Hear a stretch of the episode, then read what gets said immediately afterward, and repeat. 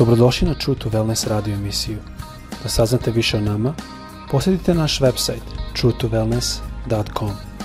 A sad, vaš domaćin, dr. Nikolić.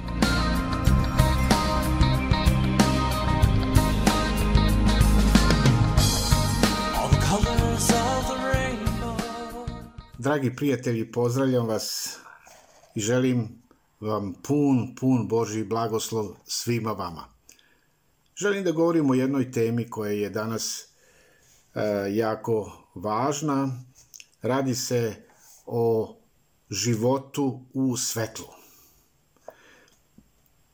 U prvoj Mojsijevoj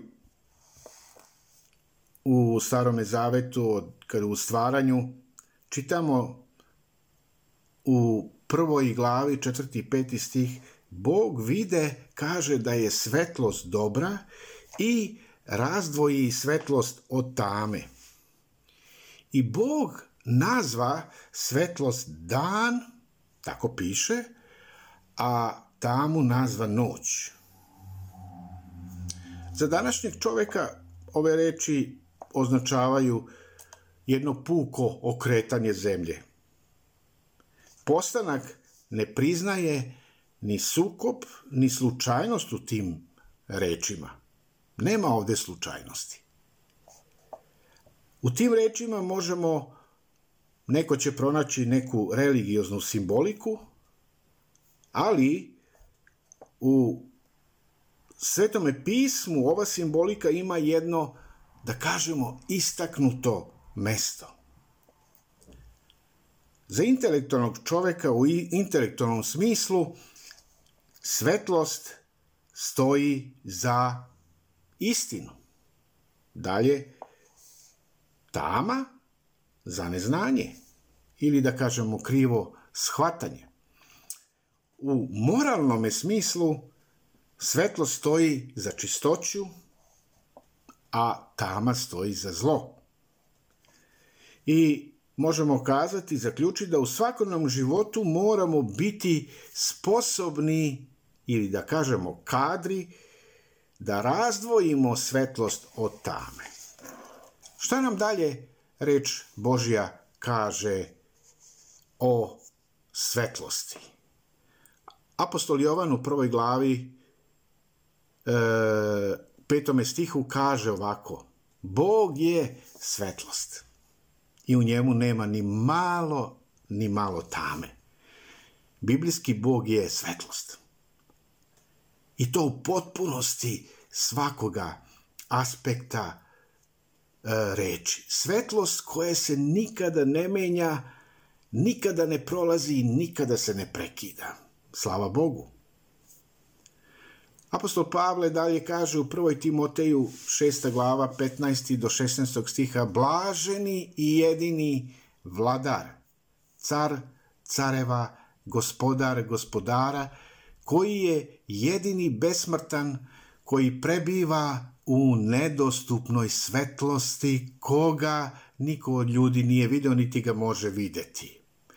Bog koji se otkrio čovečanstvu, svom stvorenju, kroz Isusa Hrista i kroz svoju reč je dobar Bog. Svetao Bog, mogli bismo reći.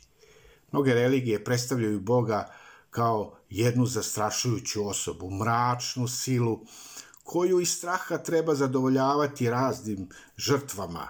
Ali ne, to je nepotrebno raditi. Apostol Jakovom kaže, svaki dobar dar i svaki savršen poklon dolazi sa neba od oca, kaže, svetosti, koji se, svetlosti, koji se ne menja kao varljiva senka. Znači, svaki dobar dar i svaki savršen poklon dolazi sa neba od oca svetlosti, koji se ne menja kao varljiva senka. Tama je posledica zla, to smo već rekli, koja je posledica pada satane, svetlonoše, Lucifera. I tama jednog dana ona će biti zauvek uklonjena, neće više postojati. Istorija čovečanstva se završava čime? potpunom obnovom onoga što je bilo u početku. Više neće biti, kaže uh, apostol Jovan u otkrivenju 22. glava 5. stih, više neće biti noći, neće biti e, biti potrebna svetlo svetiljke, ni svetlo sunca, jer će i kaže obasjavati Bog i oni će vladati do veka. I sada idemo na sledeći korak. Želim da govorimo o svetlosti i tami. Već u samom početku stvaranja Bog je razdvojio, čitali smo, svetlost i tamu. I pošto je nakon pada Luciferovog sataninog tama postala deo sveta kojeg je Bog stvorio, razdvajanje je bilo vrlo potrebno i neophodno.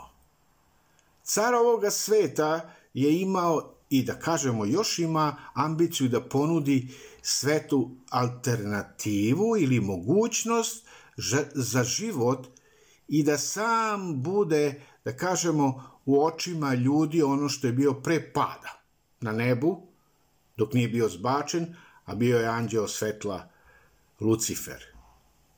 I razdvajanje svetla i tame Božja je pomoć čoveku. Hvala ti Bože za to, da prepozna čovek pravu svetlost i da odbaci lažnu ili kamufliranu tamu. I zato čitamo da ponovimo taj stih iz prve Mojsije kada je stvarao Bog svet, prva glava od trećeg do petog stiha i reče Bog neka bude svetlost i bi svetlost. I vide Bog da je svetlost dobra i rastavi Bog svetlost od tame. Svetlost prozva Bog dan, a tamu prozva noć. Tako bude večer, pa jutro, dan prvi. Bog je što je normalno rekao da je svetlost nešto što je dobro.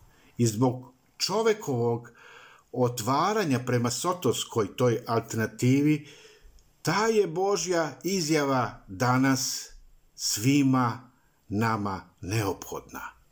Nakon pada u greh čovjek je postao svestan dobra i zla. Ima u sebi jednu duhovnu ljubopitljivost prema toj mračnoj, mističnoj strani postojanja. I zato danas čovjek je kušan da is, isproba, da proba ovo, da proba ono, tu tamnu stranu. Već u Edenskom vrtu Adam je bio prevaren. Čovek je bio prevaren, koga je Bog stvorio. Da poveruje da ponuda koja dolazi iz tog drugoga izvora, sataninog, i rođena je u srcu ta ponuda kneza tame, može da mu da napredak u životu. I zato je jako važno da prepoznamo danas svetlost i da je odvojimo od tame. Jer đavo kaže satana se perušava u anđela svetlosti. Piše u drugoj, u Korinčanima e, drugoj 11. glava 14. stih. Zato da zaključim. Iako čovek ima urođene osjećaje za dobro i zlo, time što je stvoren na Božju sliku, opet mu često nedostaje ta snaga i motivacija da se opredeli za dobro. Verovati da je svetlost jača i bolja nije uvek izbor za koga se čovek opredeljuje kao nešto što je samo po sebi jasno. I zato nek nam gospod pomogne da prepoznamo tu svetlost koju je sam Bog i da možemo da ju jasno odvojimo od tame.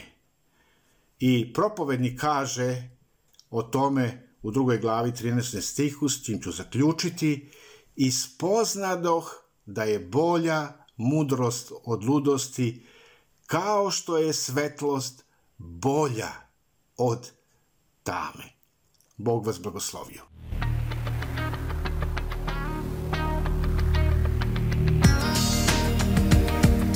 Slušajte True to Wellness radio emisiju. Pridružite nam se ponovo svaki utorak, četvrtak i subotu. Za kontakt molimo posjetite naš website truthtowellness.com. Naša email adresa je info at truthtowellness.com. All the colors of the rainbow